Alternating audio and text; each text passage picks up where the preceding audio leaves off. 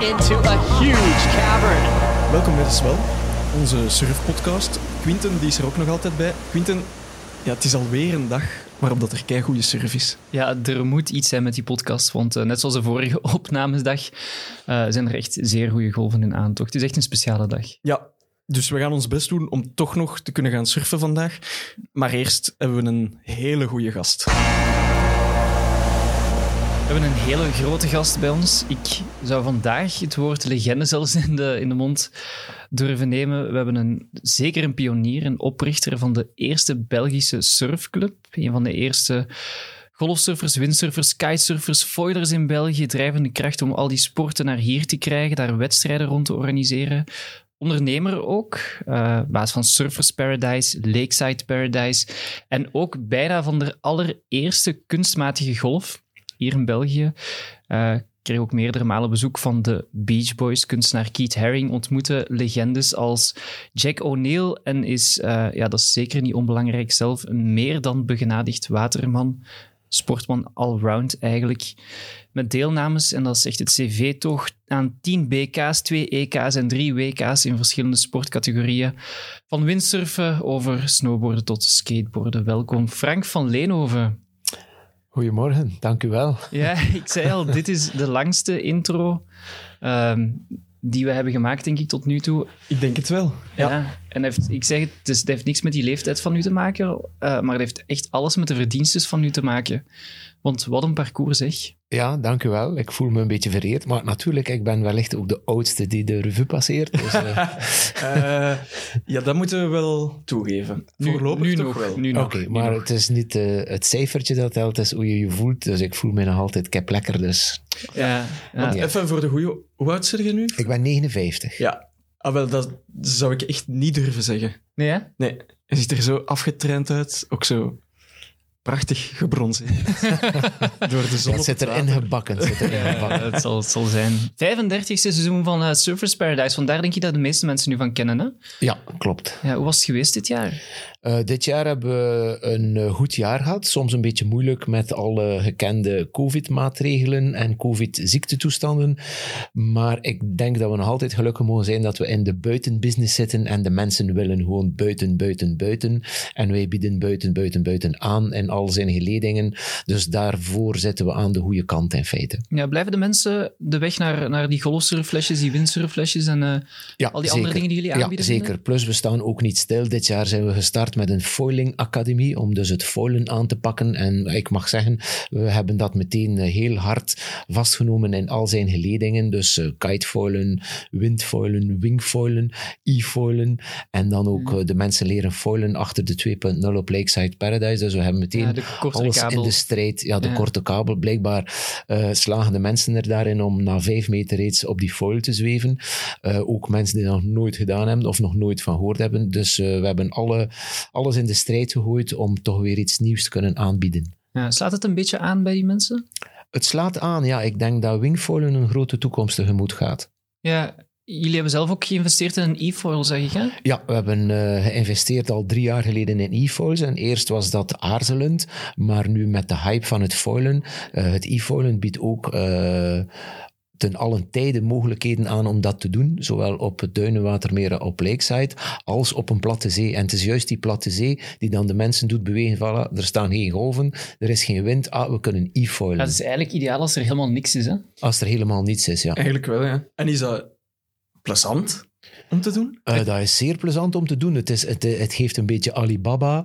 Uh, ah, ja, ja, ja. Alibaba-neiging. Je zweeft over, over het water, je hoort niets. Het is natuurlijk uh, motorisch aangedreven. Als je echt radicaal bent, ik, ik hou van de natuur en het moet allemaal natuurlijk aangedreven zijn. Ja, daar gaat je een stapje verder. En het is met een batterij en het moet opgeladen worden, enzovoort, enzovoort. Maar het gevoel van over het water te zweven op zo'n e-foil, eenmaal je het onder de knie hebt, en dat is na 15 minuten, dan doet dat wel iets met ja. je, ja. Ah ja, na 15 minuten al. Ja. Dus je moet niet echt surfervaring hebben. Geen surfervaring. Je krijgt een, uh, hebt de nodige richtlijnen nodig, wat dat je moet doen in het begin. Ja.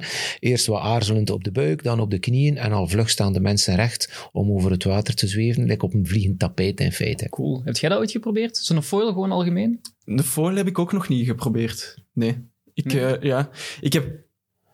Ik denk, ja, zoals jij zegt, van als je zo wat met de natuur en zo. Ja, ik heb daar wel schrik voor. Ik vind dat heel tof dat je zo ook dat gevoel kunt hebben van. Ah, doe me. Die golf. Ja, ik heb die niet kunnen pakken, ja. Dat Ja. is zo. Dat is nu eenmaal Maar je zo. kunt wel heel veel pakken, want ik lag eh, vorige week in Domburg en dan waren er twee of drie foilers bezig. En dus waar jij aan het wachten bent op een grote set, pakken die iets kleiner, iets verder. En die blijven gewoon rondcirkelen. Ja, die zijn Die constant kunnen in feite de spots aanpakken waar dat je niet echt eh, Ja. aan surfen toekomt. En ze hebben dat ook niet nodig, die steile golf of die krachtige golf. Dus al wat je eh, niet kan pakken met een surfplank, nemen zij met een, eh, met een, met een surfplank, met een foil onder. We noemen dat prone surfing. Ja. En zij, eh, het is wel zeer intensief voor je bovenbeen. Je krijgt Ja. er enorme quadriceps van. Dat denk ik altijd. Dus eenmaal, dat is- eenmaal je de golf gesurfd hebt, je, je moet duwen op je voorste been en dan om naar buiten te pompen heb je wel wat conditie nodig natuurlijk. Ja. Op de beelden die circuleren op Instagram zie je alleen de leuke dingen, maar het vertrek en het terugpompen zie je niet zoveel, omdat dat ook eh, minder frequent voorkomt natuurlijk. Ja, ja, ja. Want ik heb er ook al een paar keer ja, zo een paar zien vallen dan. Ik hou wel altijd mijn hart vast, want je ziet dan die foil door de lucht Ja, zweven. Ja, je wil niet in de line-up zitten als er zo'n foiler Nee, passeert die in je buurt valt. Nee. Er, zijn, er zijn trouwens al plaatsen, Biarritz bijvoorbeeld, dicht bij huis, dat het eh prone foilen verboden is op, eh, op de surfspots. Ah ja. Ja, like, like in feite het begin van de snowboardperiode, dat ze de snowboards verboden op, de ski, Ja. op bepaalde skiliften en op bepaalde pistes. Dus nu is er eh, op bepaalde stranden een verbod op het prone surfen, ja. ja. Nou, super. 35 jaar Surfers Paradise. Ik wil nog even op terugkomen, want dat is iets waar dat de mensen natuurlijk veel, veel surfers u van kennen, denk ik. Ja, Raakt je dan niet beu? Eh, nee, beu raak je dat niet. Ten eerste, het is aan de zee en ik ben een, eh, een zeekindje. Ik ben geboren in, in, Knokke, en altijd aan de zee gewoond en ik hou van de zee. En overal waar ik ga ter wereld is dat naar de zee. Eh, dus de zee is elke dag anders. De zee verveelt nooit. En de zee kan je zoveel dingen doen. Dus eh, dat verveelt niet. Vooral ook omdat in die 35 jaar leer je, passeren de verschillende generaties. En je ziet mensen komen en je ziet mensen gaan. Dat is altijd spijtig. Maar het is toch altijd leuk als je eh, een koppel eh, kent dat elkaar leren kennen heeft op Surfers Paradise. En dan nu nadien die kinderen komen. En zelfs dat de kleinkinderen in aantocht zijn die allemaal nog een keer komen surfen. En dat is wel, dat is wel leuk. Dus eh, we hebben ondertussen 1500 leden ongeveer. Je leert heel wat mensen kennen. Dus in feite, het verveelt nooit. Ik heb, ik heb mensen die al hun vrije tijd op Surfers Paradise spenderen. Dus die de zaterdag toekomen en de zondag weer weggaan. Ik heb mensen die in de week komen na, na hun werk. En dan heb je mensen die gewoon tijdens hun vakantie alleen komen. Dus, eh, dus de, de verblijvers in Knokke-Heist die voor 14 dagen op vakantie komen en die dan 14 dagen op Surfers Paradise spenderen. En dat worden in feite ook vrienden, niet tegenstaande dat je ze maar 14 dagen per jaar ziet. Maar dat zorgt weer voor die variatie dat je nooit beug raakt. Ja, hoe is het begonnen eigenlijk? ja. Want we zijn naar België. en dat hebben we hier al een paar keer gezegd. De golven in België zijn er niet van het meest fantastische. Dus hoe komt je erop? Ach ja, in feite, voor mij is alles begonnen met het windsurfen. Ik heb leren windsurfen in 1975. Ik skate toen ook al, dus dat, dat sporten zat er al een beetje in. En ik was meteen gepassioneerd door, door het windsurfen. Ik heb dat geleerd op het Zegemeer. Ik heb het geluk gehad, mijn ouders hebben in 1950 een huis gebouwd aan het Zegemeer in Knokke. Dus ik ben be- geboren aan het water. Dan heb ik daar leren windsurfen op de eerste boards die in België toegekomen zijn via Hotel La Reserve. En dan na een tijdje de lokroep van de zee. Dus dan herinner ik mij dat we op handen en voeten met een karretje met ons windsurfplank die 25 kilo woog, met houten hiek, houten mast, een lap van een zeil, dat we over het strand kropen naar het water. Ja, ik was toen 13 of 14 jaar. En dan... eh, Toen had je maar één windsurfmerk, toen had je maar één windsurfmerk en dat was de windsurfer. Windsurfer, ja. En dat was in feite grappig van eh, de RBSC Duinbergen, Royal Belgian Sailing Club, die bestond toen al. En daar waren we niet toegelaten met onze windsurfboards, omdat we totaal de controle niet hadden over wat dat we deden. Dus dat was gevaarlijk met die zeilboten. Dus gingen we gewoon voor het casino in, in Knokke windsurfen.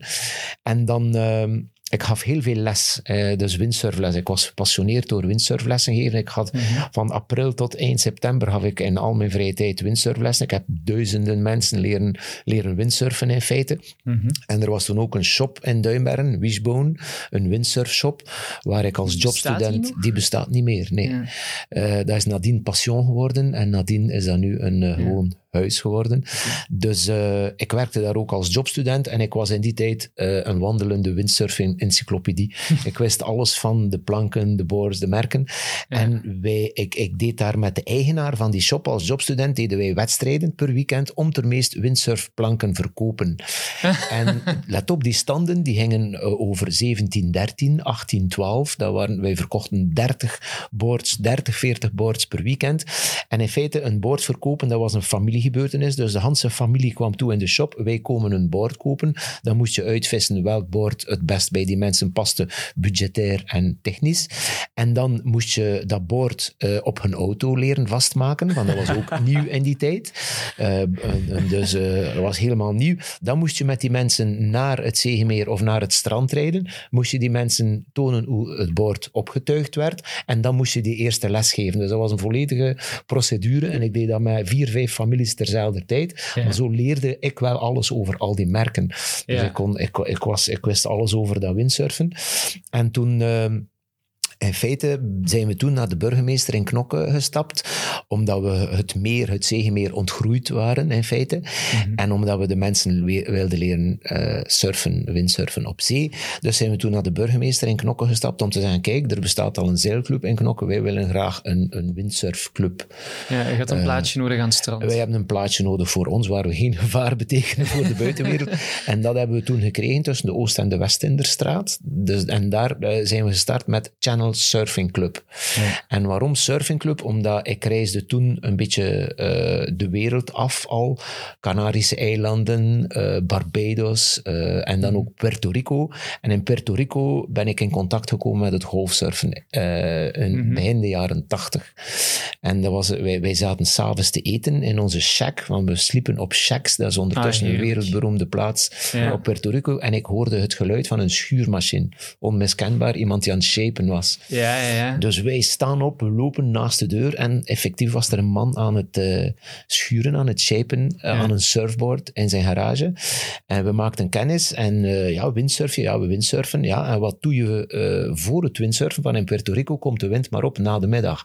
En het antwoord was, ja, wij wachten tot de wind opkomt. Ah, so come surfing with me in the morning. Ah, oké. Dus Want de- op dat moment werd er al in België gegolfsurfd? Nee, Er was nee. nog geen sprake... er was nog geen sprake Dat van is bijna golfsurfen. on- ondenkbaar, toch? Ja. Nog geen sprake van golfsurfen. Dus eh, de volgende morgen om zes uur laat hij zijn planken voor, voor ons in. In zijn pick-up rijden wij naar een surfspot. En daar heb ik voor de eerste keer proberen te surfen. en ik moet zeggen, dat was... eh, ja, jullie kennen het surfen. Ik was meteen ook gebeten door het surfen. En het jaar nadien zijn we teruggegaan naar Puerto Rico zonder windsurfmateriaal, alleen om Ja. te surfen. dus dat was in feite de start van onze surfcarrière. En dan om het Belgisch verhaal in feite op te starten, wij verkochten toen eh speedsails. Dat zijn die houten, Houten. karren met wielen onder, waar je een windsurfzeil op zet en waar je mee over het harde zand rijdt. Ja. En die speedsails moesten opgehaald worden in Le Touquet. Ja. En wij gingen daarom met de wagen. En in Le Touquet was er een, eh, een surfshop waar ze Ja. surfboardjes verkochten. En dan heb ik, ik denk in 82, 83, daar een surfboardje gekocht, meegebracht naar België. Maar nog niet met het idee van te surfen. Van wij, wij hadden toen ook een, een motorboot en wij waterskieten daarachter. Ah, om te weken en daarachter. toen dachten we, oké, dat surfboardje gaan we meedoen. In plaats van die waterskis gaan we achter dat bootje surfen. Ja.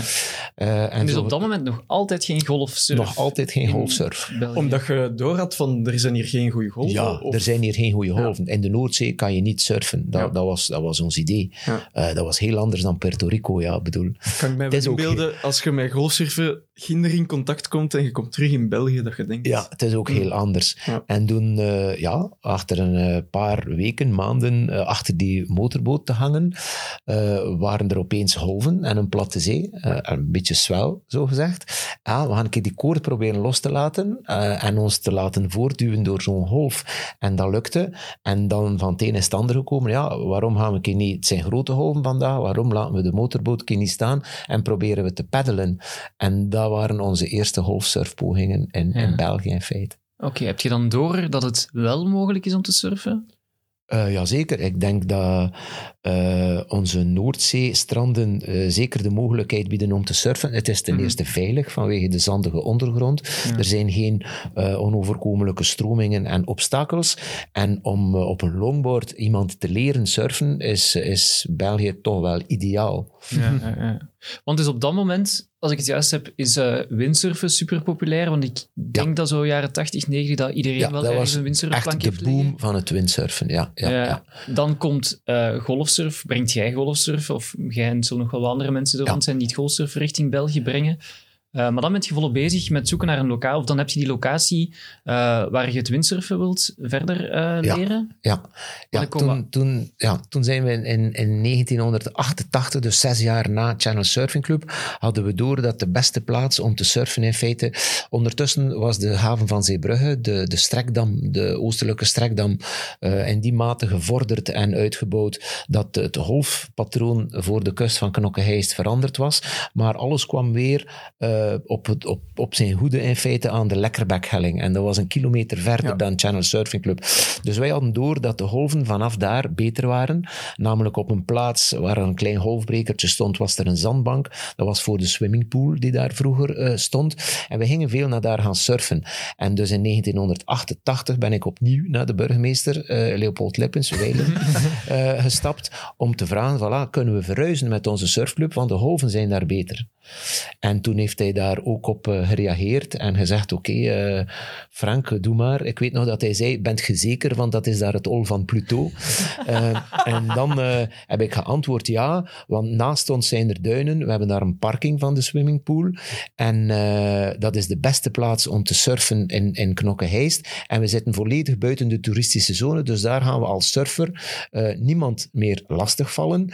Er gaat ook geen overdruk zijn op de omgeving. En overal ter wereld zoeken surfers een, een, plaats, een, een plaats waar ze hun ding kunnen doen. Dus dat vond ik ideaal om daar eh, dus eh, op te starten en dan Surfers Paradise op te richten. Ja, want ik weet dat er op Surfers Paradise van die foto's hangen van een...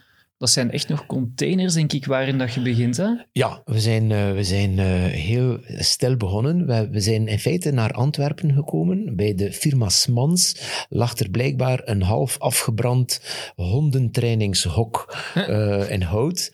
En dat was een hoop hout die daar lag. En we zijn, ik ga nooit vergeten, met Jean de Loddere van restaurant Boudin Sauvage in Knokke ben ik daar naartoe gereden. En die vent zei, kijk, dat is een clubhuis, zei hij. En dat was een hoop hout. en dat kostte 250.000 eh, Belgische frank. Ja. Dat was in die tijd voor ons eh, toch wel een eh, beetje geld. Ja. En toen zei, zei, zeiden we, oké, en kunnen we dat nog rechtzetten? En hij maakte een tekening met een aantal deuren en een aantal vensters. En toen zeiden wij, oké, het is goed. En de volgende morgen om zes uur kwamen die opleggers toe met al dat hout. En zijn ze dat beginnen opbouwen, ons clubhuis. Eh, en dan om het materiaal in te stallen, hebben we containers geplaatst op het strand, ja. Ja, ja. En dat, daardoor bestond... En in feite zijn we dan begonnen met nog een kotje ernaast voor toiletten en nog een kotje ernaast voor vestiaires. En langzamerhand is alles eh, ja, gegroeid. Ook meer en meer containers, tot er tien stonden in feite om alles in op te bergen. En dan eh, tien jaar later konden we ons vinger steken door het clubhuis eh, van het hout was volledig, het hout was volledig verrot en hebben we het gebouw van Surfers Paradise gebouwd zoals jullie het nu allemaal kennen.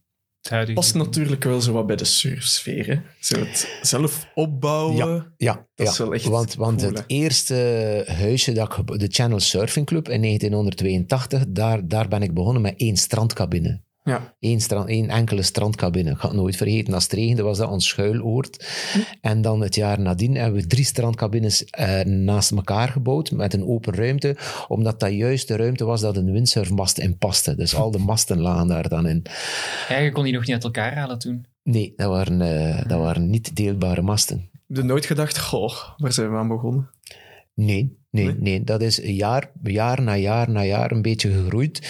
Eh, ik kon daar niet van leven, maar ik was gelukkig. Want in feite, de- de grondgedachte voor mij was... Hoe kan ik het meest op het water gaan? Mhm. Op welke manier kan ik het meest op het water gaan? Ah, doordat mijn grief op strand ligt. Hoe kan mijn grief op strand leggen? Ah, door een club te beginnen en iedereen toe te laten zijn grief op strand te leggen. Dan kan iedereen meest van al profiteren. Ik bedoel, als, als iemand uit, eh, we zijn hier eh, in Brussel, als iemand uit Brussel wil gaan surfen en zijn grief ligt hier thuis in de garage, is dat een volledige operatie. Dus hij moet eerst zijn grief op de wagen leggen, dan moet hij naar de kust rijden met alle files van dien, dan moet hij toekomen een parking vinden, dan moet hij alles van zijn dak halen en dan moet hij optuigen en dan moet hij op het water. Dus ik dacht, ja, als wij aan die mensen de mogelijkheid geven om een grief op het strand te stallen, winnen zij al die tijd en gaan ze ook veel meer kunnen komen. Dan gaan ze de moeite doen om te komen, omdat de stap niet zo groot is. En dat, geldt, dat gold ons voor ons. Voor ons materiaal gold dat natuurlijk ook. Wij hadden al onze zeilen netjes opgetuigd liggen, eh, eh, hangen in zo'n container. Dus na vijf minuten stonden wij op het water als dat nodig bleek. Ja. Dat is, dat is opvallend. We hebben dat nu al elke podcast gezegd. Elke gast die er zit en iets doet en een project heeft, of eh, bijvoorbeeld de eerste gast was Filip van eh, Heven van de Ja, Surfwinkel. ja, ja.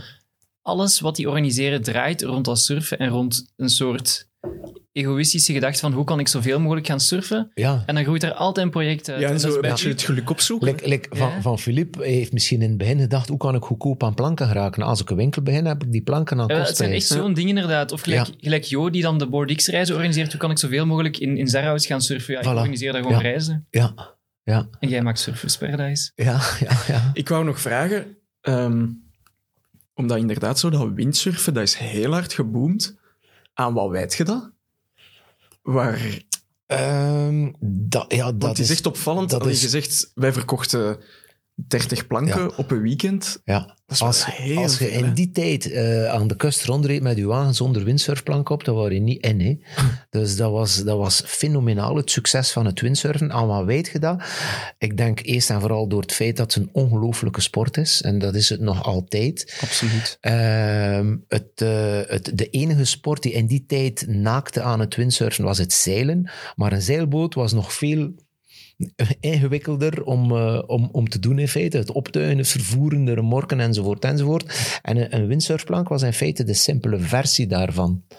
Eh, wat dat wij nog niet door hadden in die tijd, in het begin van het windsurfen, is dat het windsurfen in feite ehm, uit het surfen kwam. Het surfen is de basis van alles. Surfen is de, de moeder van alle glijsporten die we kennen. Want hoe hebben ze gedacht in Hawaii bijvoorbeeld? Eh, er waren outside reefs met een outside break. En ze moesten daar veel te lang naartoe peddelen om er te geraken. Dus wat hebben ze gedacht? Ja, als we, op een, als we een surfplank maken waar dan we kunnen op staan en waar dan we een zeil op monteren, kunnen we naar die golven zeilen en kunnen we daar ter plaatse, ver in zee, kunnen we die golven rijden. Dat, dat, zo is het, het windsurfen in feite ontstaan.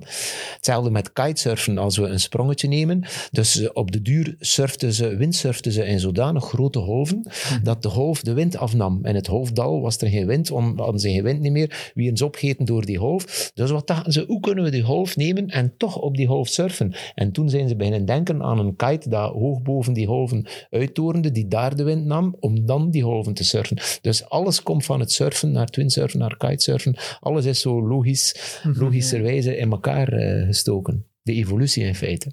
Ja. Want nu is het golfsurfen denk ik zo'n beetje het populairste. Ik heb het gevoel dat die, die winkels gaan niet elk weekend 30 golfsurfplanken Ja. hebben. Maar Al- zie- nee, als, als je ziet de populariteit wereldwijd van het golfsurfen, is golfsurfen momenteel zeker de, de, de nummer één watersport ter wereld. En je kunt dat ook zien aan de overbevolking op alle spots. Het wordt heel erg overal ter wereld.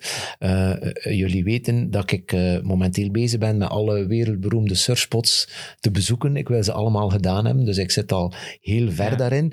Maar ik ben ondertussen in de verste uithoeken ter wereld geweest, waar je twee dagen moet naar reizen om er te geraken. En je komt daartoe, het zitten nog altijd 30, 40, 50, 60 man op het water. Dat je vraagt, maar waar komen ze allemaal vandaan? Hoe weten die mensen dat er hier surf is? Dat is, Ik denk dat eh, het surfen heeft een eh, ongelooflijke impact gehad eh, op, op het leven van de mensen. En eh, er is geen één windsurfer, laat ons zeggen, of er zijn weinig windsurfers die naar een plaats gaan wonen zijn waar dat goed was om te windsurfen. Er zijn er, maar in het geval van surfen zijn er steden die gegroeid zijn doordat de surfers daar gaan wonen zijn, omdat er daar voor die stad een goede golf was. ja. En dat is ongelooflijk. Dus de, de, de passie van het surfen is on, onbegrensd in feite vergeleken met alle andere sporten. Ja, dat denk ik vooral. Ja, Dat kan u zo vastnemen. ja, Ja. En dat gaat heel Er, leven er is bepalen. geen enkele sport die de glimlach op je gelaat zal toveren na het beëindigen van een surfsessie. Like of dat je uit het water komt en die glimlach en de energie dat je daarvan hebt van een surfsessie, die is door geen enkele sport te benaderen. Ja, ook als we straks uit water je, je, komen, het kunt, je, kunt, je kunt voetballen en een doelpunt maken en de euforie nadien, maar die euforie na een week is die weg. Als je een goede surfsessie had hebt, na een week is die, is die euforie er wel nog. Je kunt daar maanden op voortdenken Voilà. en voort... Ja, ik denk dat je Ja. zo van elke surfsessie wel een golf herinnert of zo, dat Ja. je toen hebt gepakt Ja. van een Ja. paar jaar geleden. Dat is je Ja. zo gek, weet van... want dat gaat over oh, vijf seconden. Hè? Ja, Ja. dat gaat over, over luttele 90 seconden. minuten, ik, heb, ik heb critici mee gehad. Ik, ik was in Hawaii met Carlos van Beers, een zeer fervent windsurfer. En hij surfte niet. En ik zei, ja, ik ga gaan surfen. En ik kwam meekijken en ik kwam uit het water en hij zei, Frank, en nu drie uur in het water zitten. Ik heb drie uur zitten kijken naar u. Het eh 48 seconden op die plank gestaan. Ja. Ja, Carlos, maar die 48 seconden is een lifetime. Bedoel, Ja, dat eh, blijft je hele leven dan... eh, in Hawaii, bedoel. Ja, ja ongelooflijk trouwens. Ja. Ja. Want ik, ik wil nog eens heel even over eh, surfers hebben, want die, die, je zegt, heel die surfcultuur wordt dan heel bekend. Ah ja, alles er rond ook. Bij het windsurfen, dan eh shiften naar het golfsurfen, maar jullie spelen er handig op in. Ik, eh, ik weet bijvoorbeeld dat er ook weer foto's hangen in surfers van de Beach Boys die dan langskomen. Keith Haring komt dan een windsurfer tekenen op die plank die er nog altijd staat Ja, bij jullie. En zo krijgen jullie die mensen tot in Surfers Paradise. Oh ja, eh, ik weet het niet. Ik denk dat dat een... eh, ja, Keith Haring is door Knokke Heist naar Surfers Paradise gekomen. De Beach Boys hebben in 87 op dezelfde plaats waar Surfers Paradise nu is, een concert gegeven, eh, eenmalig voor 15.000 mensen. Dus sedertdien noem ik dat de heilige surfgronden in feite. Ja, ja, eh, dat is legendarisch. dat is legendarisch. En dan ja, eh, surfen doet gewoon iets met de mensen. Dat is, dat is eh, ongelooflijk. De Beach Boys, Mike Love, als die een concert kwam geven in Amsterdam een paar jaar geleden, is die speciaal zijn chauffeur naar ons laten rijden voor nog een keer te komen goeiedag zeggen op de plaats waar hij opgetreden heeft en voor gewoon nog een keer op Surfers Paradise te zijn. Zegt helemaal, ik ging achterover. Die, die zegt helemaal tot de Appelzakstraat gereden? Volledig. 20. Te eh, wandelen tot. Hij gaf dus een Europese tour, niet in België. Dus de dichtste was Amsterdam. En die heeft dan zijn chauffeur met zijn familie en zijn kinderen de opdracht gegeven, voer mij nu een keer naar Surfs Paradise. Ik wil daar nog een keer naartoe. En hij kwam toe en hij zei tegen mij, do you remember me? En voor mij stond dus een van de bezoekers van Surfs Paradise. En ik heb toch eventjes moeten op mijn poten vallen voor, voor, voor in het Engels. Ah, dat is, dat is Beach Boy, dat is Mike Love. Ja, het zal wel. Amai, wauw. En hij herkende u wel? Ja, ja, ja, ik her- herkende mij wel. En surfen Ja. die dan ook? Nee. Ah, nee. nee. ik denk niet dat die nog surfen. Die zijn al, al redelijk van leeftijd, maar ik Ja, denk niet dat die nog Zijn die al surfen. zo oud? Ja, die Ja. zijn toch allemaal grijs? Ah ja. Ja, die zijn grijs en oud. Ik denk dat die rond de 80 allemaal zitten, nee, momenteel. Dus, Ah, dat oké. zijn. ik, denk, ik denk wel, wat dat opvalt, als je naar Californië of Hawaii gaat, plaatsen waar dat de surfers beginnen van zodra ze kunnen rechtstaan, daar ziet je nog tachtigers op de plank. Hè? En goede tachtigers. Hè? Ja, je hebt een van die hele goede ontmoet, blijkbaar. Eh, Jack O'Neill. Jack O'Neill, inderdaad. Eh, ja, dus in feite, in het begin, eh, Surfers Paradise, kon ik geen leven van maken en mijn familie niet onderhouden. Dus ik heb twintig jaar voor de firma D-Light gewerkt. Dat was een, een surffirma in België, die begonnen is met het maken van windsurfplanken Ja, uit die heel goede. En die maakte ja, ook Onderhand. waveplanken. En eh, wij distribueerden eh, Quicksilver en O'Neill. En door Quicksilver en O'Neill ben ik in contact gekomen met al die mannen, eh, Jeff Hackman enzovoort enzovoort. En uiteraard ook Jack O'Neill. Ik ben twee keer bij hem thuis geweest in, in Santa Cruz. En met zijn zoon Pat O'Neill ben ik samen op vakantie geweest naar, naar Mexico, naar Baja California. Oh. Dus ja, ja, ja, Jack O'Neill was een heel speciale man in feite wel. Ja. In welk eh, opzicht? Eh, dat was zo'n vrijbuiter. En, en, zijn huis, om, om maar te zeggen, zijn huis alleen al is uniek. Zijn huis is gebouwd tegen de cliff, recht tegenover Pleasure Point in, in Californië, in Santa Cruz. En in zijn huis heeft hij een eh, verdiep uitgebroken om op het laagste verdiep een trampoline te spannen tussen de vier muren. En hij sprong dus twee verdiep omhoog. Dus in zijn huis heeft hij een opening gemaakt door een verdiep uit te breken, trampoline te spannen en hij sprong op die trampoline twee verdiep omhoog. Dus om maar te zeggen, dus Ja. een, een eh, e- extravagante Ja. man in feite. Want Maar- Jackie is toch ook degene die zijn oog is Ja, dus, dus Jack O'Neill heeft tijdens het duckdiven een stuk hout of iets dat, dat dreef in zijn oog gekregen en is daardoor zijn oog op jonge leeftijd Ja. nog verloren. Ja. Dat draagt ook wel zo wat bij tot de Ja, dat, hè? is, ja, dat past erbij met het piraatachtige uitzicht. En, en zijn, zijn, ja, het image in feite van O'Neill hebben ze daar handig gebruik eh, van gemaakt in feite. Ik bedoel, ze hadden iets dat de andere merken niet hadden. Dus eh, ja, waarom niet in feite. Ai, straal dat je die hebt gezien. Ja, en ik ben heel blij van. Ik, ik heb dus met mijn familie eh, twee jaar voor zijn dood in feite. eh, We hebben met de campervan zijn we gaan surfen in Mexico en hebben we dan de Californische kust afgereden tot in Santa Cruz. Omdat in Santa Cruz ken ik wel wat mensen.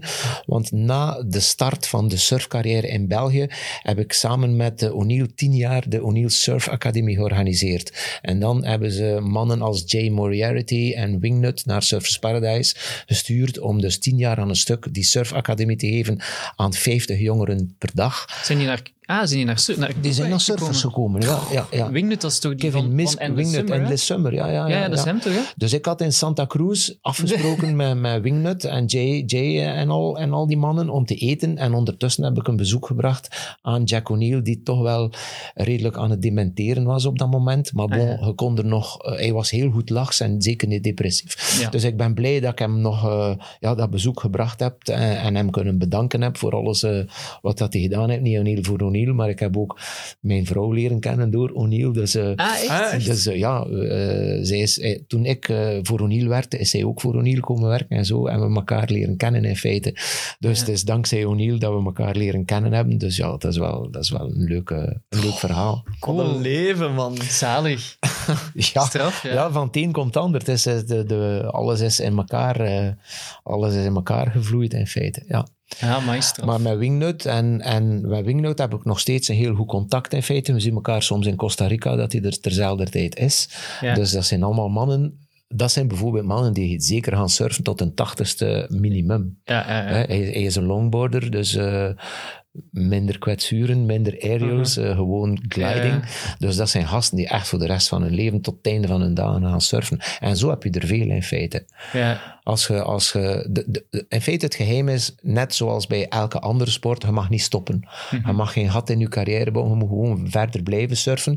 Plus, het voordeel is, eh, die surfers, om dat te blijven in stand houden, eh, zij leven ook gezond. Zij doen aan yoga, zij doen aan breathing, zij eten gezond. Dus eh, ze en houden hun lichaam fit en gezond Ja. eh, om te kunnen blijven surfen. En dat is wel belangrijk. Ja, en dan ook constant in die zeelucht en die zeeomgeving zitten. Exact. ook al ja, sowieso ja, een goede ja. Ze bewaren dode vis in de zee, dus wij bewaren er ook goed in. Hè? Dan neem ik aan dat jij ook tot het eh, einde der dagen op het water gaat. Dat is toch mijn plan, ja. Ja? dat is toch mijn plan, ja. Merk je dat het soms wat verroest of niet?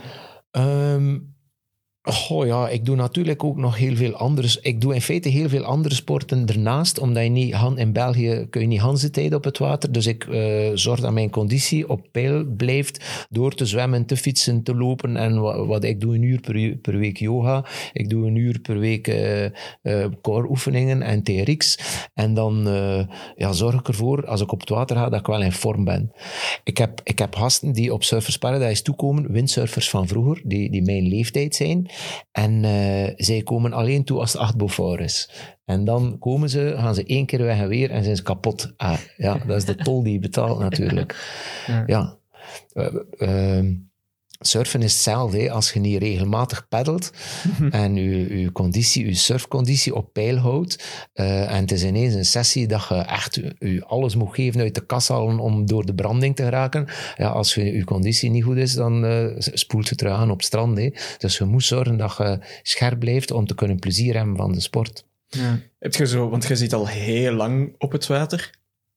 Heb je zo doorheen de jaren iets zien veranderen qua mentaliteit? En omdat we, we hebben het hier ook al over localism gehad. Ja, het is, eh, het is een fenomeen dat ergens eh, te begrijpen valt. Bijvoorbeeld iedere keer als ik naar Hawaii ga en je ziet dat heel de wereld naar Hawaii gaat en dat heel de wereld naar Hawaii gaat om zoveel mogelijk golven te pakken, dan begrijp je wel ergens dat de locals zeggen, I'm a local, eh, I'm in charge. Eh, ik ben een local, ik neem elke golf dat ik wil. En hij moet wachten, ook als ik geen voorrang heb, ik neem de golf. Eh, dat gebeurt in Hawaii, dat is de, de rule in Hawaii. In Hawaii heb je ook een regel, als er zes golfsurfers zitten, dat er geen kitesurfers of windsurfers niet meer op de piek komen. En dat wordt daar gerespecteerd. Ja, windsurfers mogen ook bijvoorbeeld niet meer na, wat is het, één uur in de namiddag op het water. In Hoekipa bijvoorbeeld. Ja, Ja, inderdaad. Ja, ja. dus daar, daar geven ze echt voorrang aan de moeder van alle glijsporten. Daar hebben de golfsurfers voorrang. Eh, maar veranderen, ja, ik denk dat alle problemen te wijten zijn gewoon like in de wereld aan overbevolking. Alles wat, dat, alles wat dat te veel is, alles wat dat uit balans is. Als je ziet... eh, ja, als je naar Pipe gaat in, in Hawaii, je kunt daar van de ene plank naar de andere stappen over, over, over 100, 150 meter. En daar zitten ze naast elkaar en dan vraag je af, ja, hoe gebeuren er hier geen, ongevallen? En er gebeuren ongevallen. Wat dat je ook ziet, is dat ze op elkaar beginnen slaan in het water. Dat is gewoon door de overbevolking. Eh, ja, er, er zijn heel veel surfers en eh, er zijn niet genoeg spots. En eh, ja, het is spijtig dat de locals soms op die manier eh, reageren. Wij gingen vroeger altijd, wij zijn heel veel gaan surfen in La Graciosa. Dat is een eiland eh, naast Lanzarote. Dus je landt in Lanzarote, je neemt een bootje naar Graciosa en toen sliepen wij daar in een hutje of een appartement van men, appartement, huisje van mensen. En toen moest je drie kwartier stappen naar Coral Beach, dat is de overkant van, van Graciosa. We zijn daar jaren aan een stuk geweest, met picknick mee, dat wij daar alleen surften. De laatste keer dat ik naar Graciosa geweest ben, komen wij na drie kwartier wandelen op de spot, staat er een Spanjaard op uitkijk, fuero etrangero, fuero, fuero. En Oei. wij kregen geen toegang meer tot de spot. Oh, nee. Einde verhaal. Dus er zijn wel degelijk zaken die, die veranderd zijn. Ja. Ja. Ja, je had het daar juist over, die een boek dat hier ligt, Primitieve Dagen, Barbarian Days. Barbarian die, die, Days. eh, Een aanrader voor iedereen. ja, die, eh, die omschrijft dat daar ook heel goed in. Dat die dan, eh, ik denk Madeira, Ja, Ging Madeira. in het begin? Ja, ja, en dat die daar dan ook op een gegeven moment toe kwam en dat er dan zo een hotelresort ja, stond ja, voor surfers. Ja. En dat, ja, ja. van- ja, ja. Dat, dat, ja. Overal ter wereld verandert. Ik vond het Tavarua-verhaal daar ook heel straf. Ja. Ik ben op Tavarua geweest. En als hij beschrijft hoe dat hij op Tavarua heeft verbleven naast, eh, naast een tent.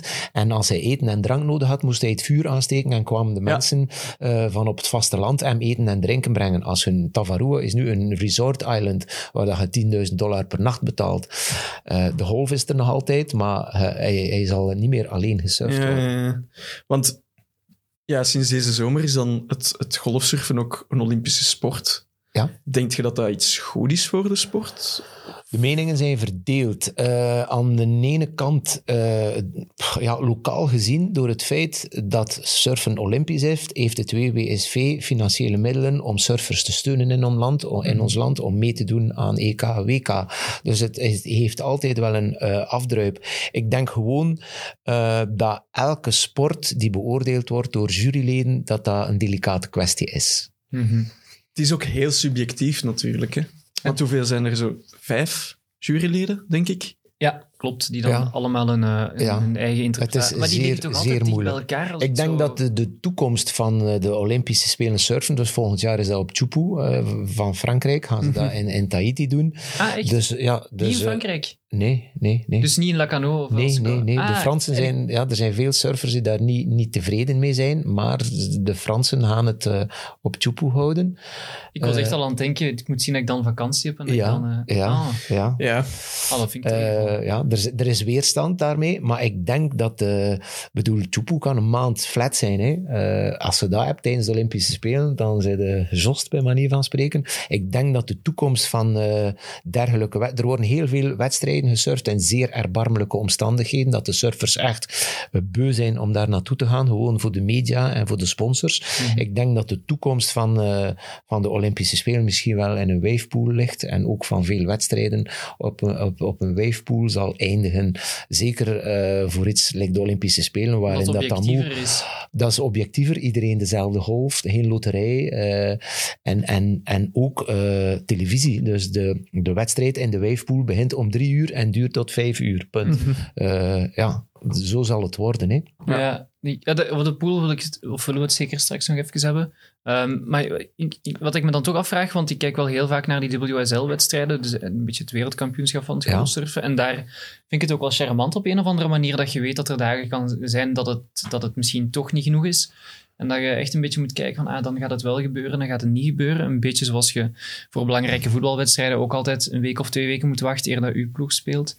Vind ik het ook wel charmant dat je erop moet wachten, want het hoort bij het Ja, natuurlijk. maar in het voetbal weet je dat je ploeg binnen 14 dagen om 9 uur zal spelen. Ja, ja, dat is waar. En het, en, en, maar dat is met elke sport dat inherent is en onderhevig aan de natuur. Hmm. Eh, je kunt daar niet aan doen. Hoeveel surfwedstrijden zijn er al niet afgelast? Ik weet dat ik in het begin dat we Surfers Paradise hadden, een, een eerste Belgische kampioenschap eh, golfsurfen heb Mhm. georganiseerd. Ja, ik heb er toch ook moeten op wachten eh, eh, voordat het goed was. En dat is zeer frustrerend natuurlijk. Je kunt ook als deelnemer, bijvoorbeeld nu werken we in België met waiting periods. Eh, Hans de maand september of Hans de maand oktober, elke weekend moet ik keer ingaan, wat dat, dat vergt van de deelnemers. Als ze jong zijn van hun ouders, zij moeten om, op, op kwinkslag kunnen reageren en zeggen, ah, de wedstrijd gaat door, dat wordt beslist de donderdag. Dus die ouders moeten al die weekends klaar zijn om hun kinderen naar die wedstrijd te voeren. En die surfers moeten ook al die weekends vrijhouden om te kunnen deelnemen aan die wedstrijd als die doorgaat. Terwijl eh, een wijfpoel zal dat probleem wegnemen. Hebben we een goede Belgische lichting, nu dat je het er toch over hebt? Ik denk wel dat we momenteel een goede Belgische lichting hebben. Te meer door die Olympische Spelen, het WWSV de middelen heeft, of eh, ja, eh, BSF, Belgian Surfing Federation, de middelen heeft om een trainer aan te stellen, om videoreportages te doen, om videoanalyses te doen, om stages te organiseren in het buitenland.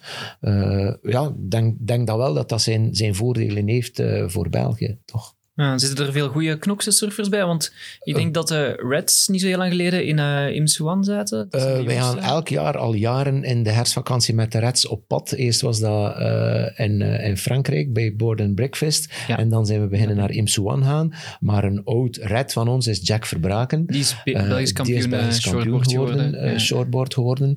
Eh, dus ja, er, er, ik denk dat er overal langs de Belgische kust ondertussen deftig gesurfd wordt. En dat er wel broeihaarden zitten van, van goede surfers die zeer gemotiveerd zijn. Ik vind trouwens de jongens die een basis leggen, en de meisjes, die hun basis leggen van een surfcarrière in België, dat zijn de moedigste der haljers. Want om dat te doen in België, moet je, je, moet er voor over hebben. Hè. Amai. Je moet ervoor over hebben, niet alleen om eh, soms in het water te gaan door de erbarmelijke condities, maar ook door de temperatuur en door de koude en door de wispelturigheid. Dus als Belgisch surfer verdien je, en iedereen verdient een standbeeld in Ja, België. maar ik vind dat dat ook vaak wel een voordeel heeft, omdat je dan het een beetje gewoon bent van in België te surfen. En als je dan naar Frankrijk of zo gaat, opeens lijkt het wel makkelijker. Ja, Omdat je denkt, oh, ja, oké, ik moet hier niet eerst tien minuten peddelen door, eh, klopt. Klopt. door al ja. die eh, shampoo. Ja, hier, ik kan hier peddelen en de zee is zo plat als een pannenkoek. Ja. Hè? En in plaats dat dat water in mijn ogen klutst en dat ik drie, drie vier, vijf, zes, zeven, acht beaufort op mijn dak krijg, eh surft je daar ineens in alle sereniteit. Hè? Ja, dat is Als je in België hebt leren surfen, kun je overal surfen. Hè? Ja. Bij manier van spreken. Ja, dat gevoel heb je wel vaak, Ja. vind ik. Ja, dat is misschien wel.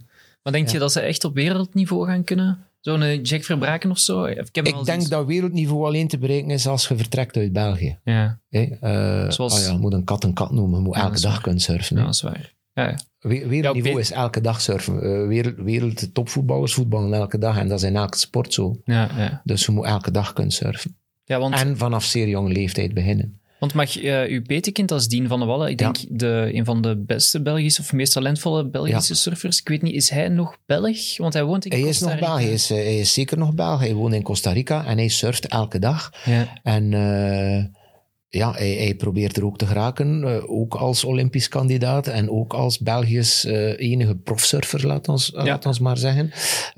Maar niet vergeten, overal ter wereld, er zijn misschien 5000 teams van de Wallis. Hè.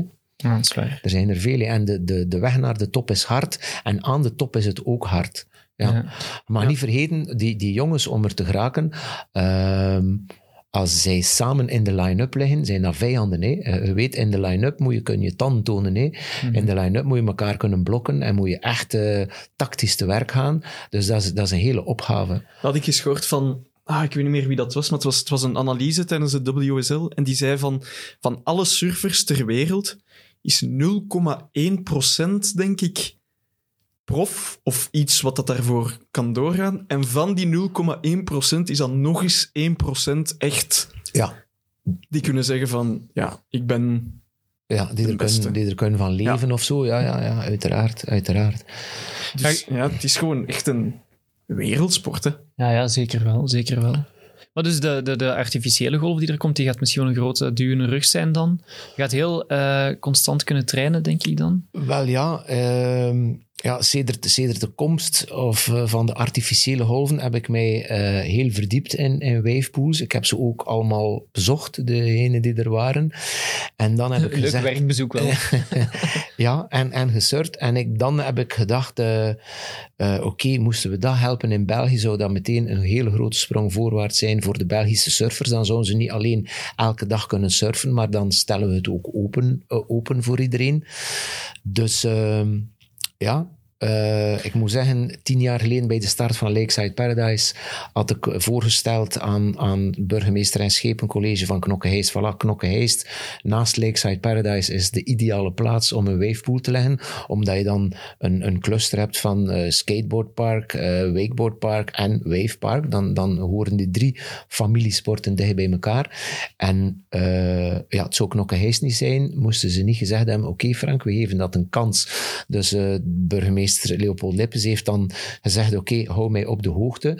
En toen dacht ik, oké, je wilt de eerste niet zijn die een wavepool bouwt ter wereld. Dan hebben we Snowdonia afgewacht, hebben we Snowdonia Ja. eh, bezocht. Ik ben in Florida naar eh, Disney geweest, ik ben in Kuala Lumpur geweest, ben in Tenerife geweest. Al die Amai. wavepools in Spee Ja. bezocht. Eh, toen Bristol open ging, Bristol aangedaan.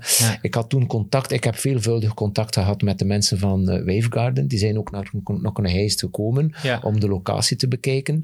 Eh, want zij willen niet zomaar overal eh Wavegardens bouwen. Want het is nu een Oostense eh ja, daar kom, aannemer ik, daar kom ik toe. Dus Ja. ik was in contact met eh, American Wave Pools. American Wave Pools eh, die vroegen een startgeld van 250.000 dollar alleen al om te beginnen praten over een concept.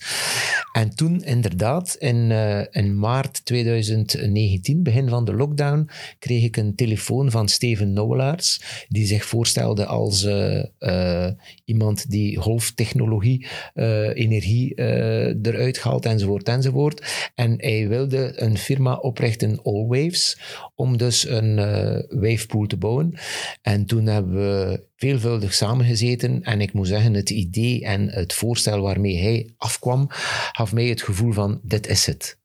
Eh, niet alleen op financieel gebied, van niet vergeten, een, een wavepool, een wavegarden, like of dat ze nu gebouwd worden, kosten 20 miljoen euro. In feite is dat onmogelijk om te rentabiliseren. Je kunt dat er, haalt, dat er, haalt dat er niet uit met je jaarlijkse kosten, enzovoort, enzovoort. Dus eh, je hebt overheidssteun nodig om dat te doen. Snowdonia is gebouwd met geld in Wales van de overheid, enzovoort, enzovoort. Dus je kunt Wat maakt het zo duur? Zo'n zo'n wavepool? Is dat de technologie? de, de oppervlakte, erachter de grond, de technologie, in feite alles. Eh, al- als je ziet dat een, een waterzuiveringsinstallatie voor dergelijke pool alleen al 300.000 euro kost, eh, dan, dan weet je het al. Eh, de grondwerken, uitgraven van die pool, dan betoneren, dat, dat, dat zijn immense kosten in feite allemaal. Plus dat je aan een surfer... Iedereen weet, eh, Zwitserland, Alaya Bay, daar kost een uurtje surfen 100, 130 euro. Hè.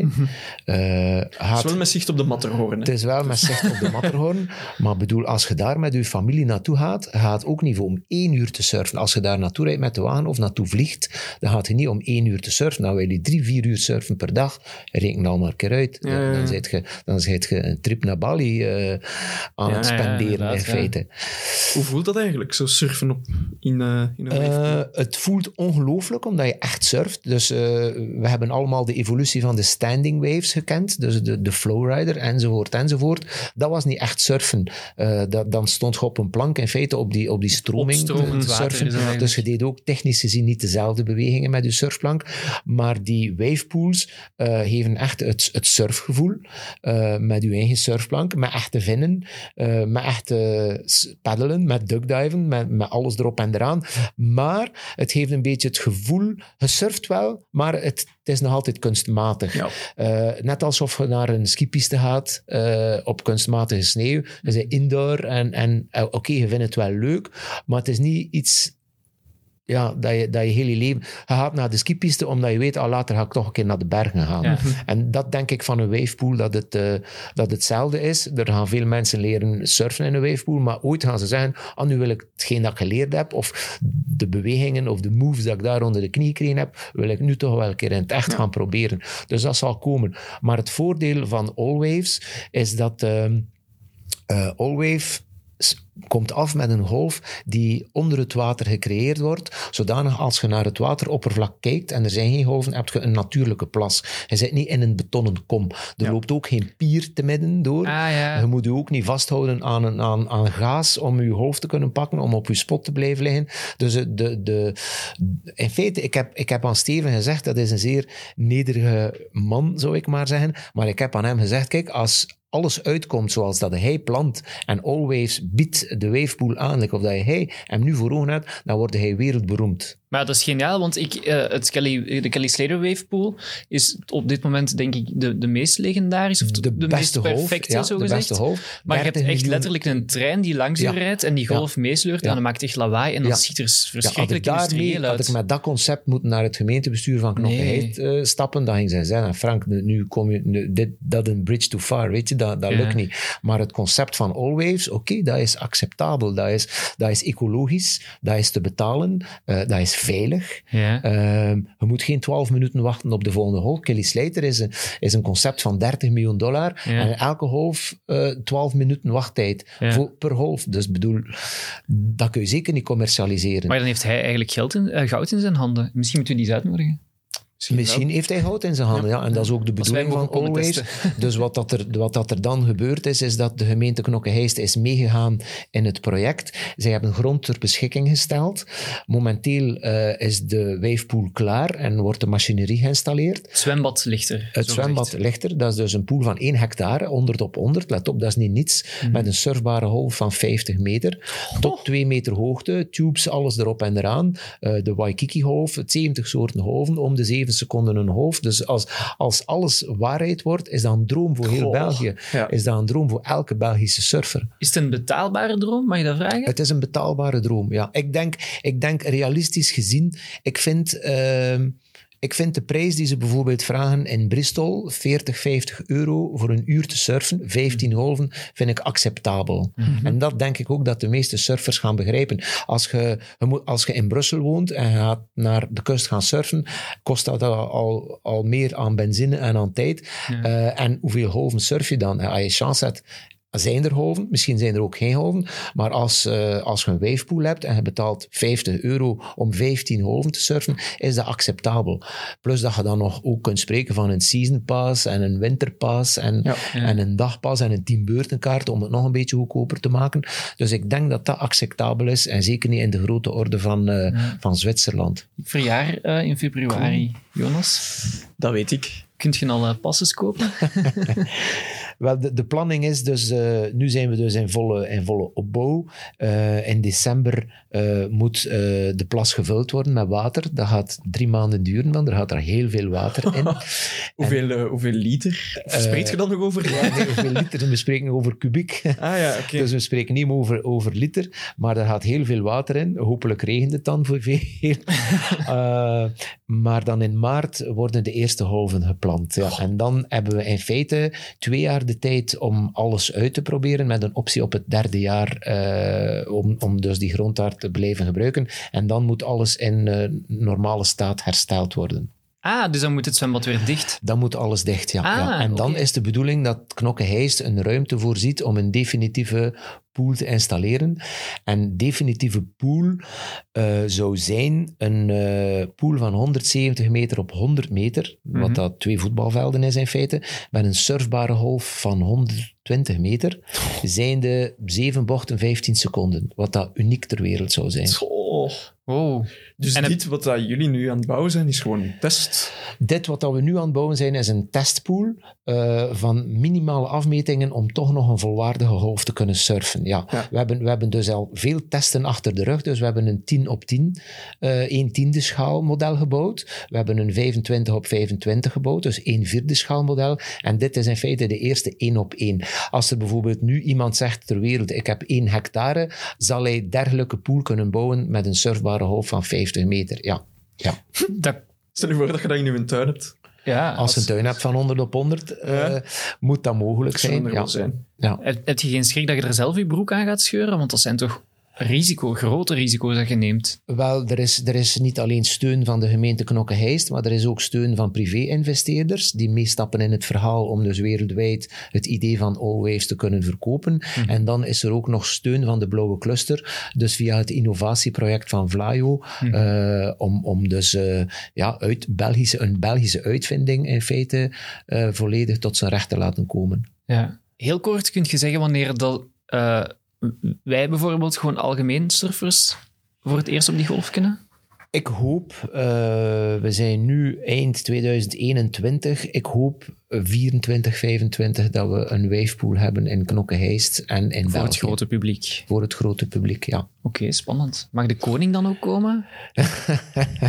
De koning gaat dan zeker uitgenodigd worden. ja. We hebben minister Krivits al op bezoek gehad en we hebben aan haar de eerste hoofd beloofd. Dus, Ah, eh, echt? Ah, ja. Dat is mi- minister van Innovatie. Kan die surfen? Daar wil ik wel bij zijn. Nee, maar die gaan we leren surfen. Nee, ah ja, oké. Eh, Want anders moest ze naar de podcast komen. Nee, dat is de bedoeling. Dat is in feite, ja, dat zou heel mooi zijn. Dat zou de derde droom zijn die waarheid wordt. Eh, na surfers, lakeside, nog een wavepool. Dan denk ik dat ik wel al mijn energie in eh, surfen gestoken heb die ik heb. Ja. Jezus, ja. Dan heb je Wordt dat dan echt uw... eh, kroon op het werk? Ja. Het, het neusje, nee, nou zeggen ze dat, de kers, De kers Kers op de taart. op de. Ja. de kers op de taart zou inderdaad wel een goed woord kunnen zijn. Ja. Cool. Oké, straf. Ja. Heel cool. Heel benieuwd naar. Ja, heel benieuwd naar, inderdaad. We, want ik denk dat we... We zijn al heel lang aan het praten, hè. Ja, Ik wil nog heel veel vragen, maar we hebben... Zo van. Echt eh, mooi getimed. Ja, ik denk Ja. het wel. We hebben, zoals altijd, hebben we vijf heel korte dilemma's waar je vlug eh, op moet kiezen. Hola. Ehm, nou, het zijn niet de allermoeilijkste, ze zijn ook niet, ehm, ja, ik weet niet, heel voor de hand liggend, maar eh, ik ga er gewoon een paar naar u, of we gaan er om de beurt eentje naar u, naar u gooien. Dus ik ga gewoon beginnen met een hele voor de hand liggen die je al heel veel hebt gehad, zonder enige twijfel. Windsurfen of golfsurfen? Golfsurfen. Oké. Eh, Surfers Paradise of Lake Paradise? Lakeside Paradise. Lakeside Surfers Paradise of Lakeside Paradise, dat is, dat is een moeilijke. Omdat, maar ik ben een zeeman, dus in, in feite in de praktijk run ik Surfers Paradise met mijn dochter Joyce en runt mijn eh, vrouw Nathalie eh, Lakeside Paradise met mijn schoonzoon Quincy. Dus ik ben eh, aan de zee gebleven, niet tegenstaande dat ik wel dagelijks een bezoek breng aan Lakeside Paradise, om, om gewoon om er te zijn en om te zien of alles in orde is. Maar zij doen dat perfect zonder mij ook, dus ik kan, ik kan mij concentreren, blijven concentreren op Surfers Paradise, ja. Ja, en Surfers Paradise nu of Surfers Paradise 30 jaar geleden? Goh, laat ons zeggen dat de pionierstijd wel ongelooflijk was. Eh, eh, ik denk, als je, als je een sportvereniging hebt en je start die op, dan start je die op met een groep mensen, met een groep vrienden, die de start meemaken. En die hebben altijd veel meer band met de vereniging eh, dan mensen die nu instappen. Mensen die nu instappen en een lidgeld betalen, vinden Surface Paradise wel tof, maar zij gaan nooit de historie en de achtergrond hebben, like de jongens en de meisjes die 30 jaar geleden erbij waren. Ik moet zeggen, eh 30 jaar geleden waren we met 300 leden en als we dan een, een feestje deden en we waren met 299, dan belde ik die 300 op voor te jongen, eh, iedereen is hier en hij zei er niet, gemankeerd, we zijn niet compleet. Je? Dat was, dat was echt één grote, één grote familie en we hebben, we hebben dat jaren kunnen volhouden, maar in, in life nothing remains forever. Dus na jaren voelt je dat er een afdruip is. Dat die, die jongens die tien jaar of, of vijftien jaar meegaan, na de start van de vereniging, dan, dan voelt je, ah, din stopt met surfen. Ah, de din in de familie. Ah, din is verhuisd uit knokken. Uh, ah, din is beginnen tennissen, is beginnen golven. Dus dan voel je, het is op dat moment dat ik gezegd heb, oké, die 300, dat, daar moet ik misschien uh, iets aan doen.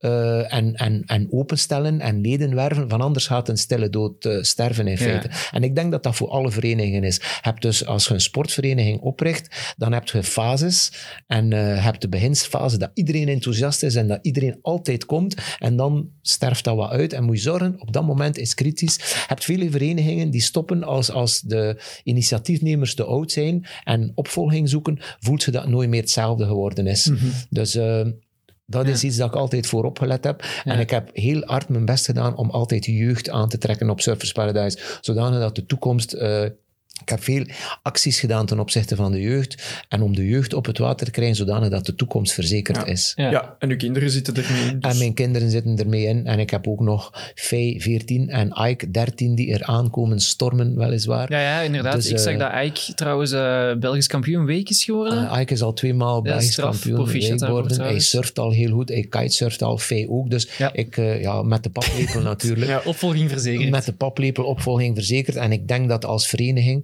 en dat is heel belangrijk, altijd eh, heel belangrijk is dat je de jeugd blijft pushen en pushen en pushen. Eh, je blijft er ten eerste zelf jong door. Als iedereen op het water zit en ik heb te druk, dan komen ze mij halen. Dan zeggen ze, ai Frank, het is ik weet niet hoe, waarom ben je niet op het water? En dan, dan zeg je, ah, je hebt gelijk, nu moet ik op het water. Dus dat, het een helpt het ander. En ik, ik duw ze op het water en zij trekken mij op het water. Dus dat is Perfect. perfect. Hè? Zalig.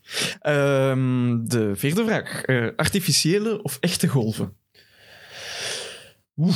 Ehm, echte golven op het moment dat je er bent en op het moment dat je erin zit. En artificiële als je niet in de mogelijkheid bent van op reis te gaan. dat is diplomatisch.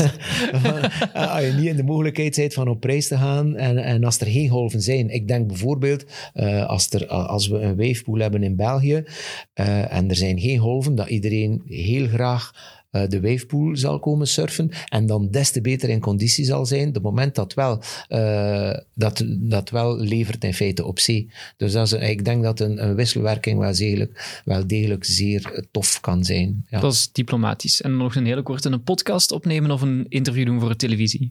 Oh, dat is een hele moeilijke. Ja, Eh, ik vind alle twee wel leuk. Eh, eh, dat is ook zo'n diplomatisch. diplomatische vraag. Nee, Oké, bedankt Frank. ik ben onlangs naar Brussel moeten komen om een interview op, eh, op kanaal 24. En dat is dan in een studio. Dan moet je zorgen dat, Ah, ja. je er, eh, dat je goede kledij aan hebt, enzovoort, enzovoort. Hier kan je in feite wel relax onderuit zitten op een podcast Dat is en, de bedoeling. hè. en van alles spreken. Dus dat is, ja, nee, ik geniet er wel van, van over surfen op dergelijke manier te podcasten. Keigoed. keigoed. Voilà. Heel erg bedankt om er te zijn. Ja, Met veel inderdaad. Inderdaad. Dan kunnen we nu Ja. gaan surfen. Ja, voilà. Ja, ja, inderdaad. Goeie golven, goeie golven. Voilà. Q, jij ook, eh, merci. Heel Om graag eh, gedaan. heel zijn. fijn om eh, met u, Frank, te kunnen praten over eh, heel veel. En bedankt aan iedereen om te luisteren. Jullie vinden ons op Spotify, iTunes, alle podcastkanalen. En ook op Instagram. En dat is de swell, de underscore swell underscore podcast. Ehm, en daarop kunnen jullie ons volgen over ja, wie te gast wordt en zo. En Q, ja, zoals elke week gaan we eruit met een prachtige quote. Ja, zo klef mogelijk. The three most important things in life. Surf, surf en surf. Dat is trouwens eentje van Jack O'Neill. Oké. Dat Ja, eens inderdaad. gezegd.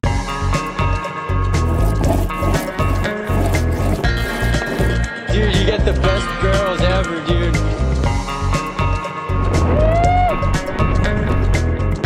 Big free fall. He grabs his rail, pulls into a huge cavern.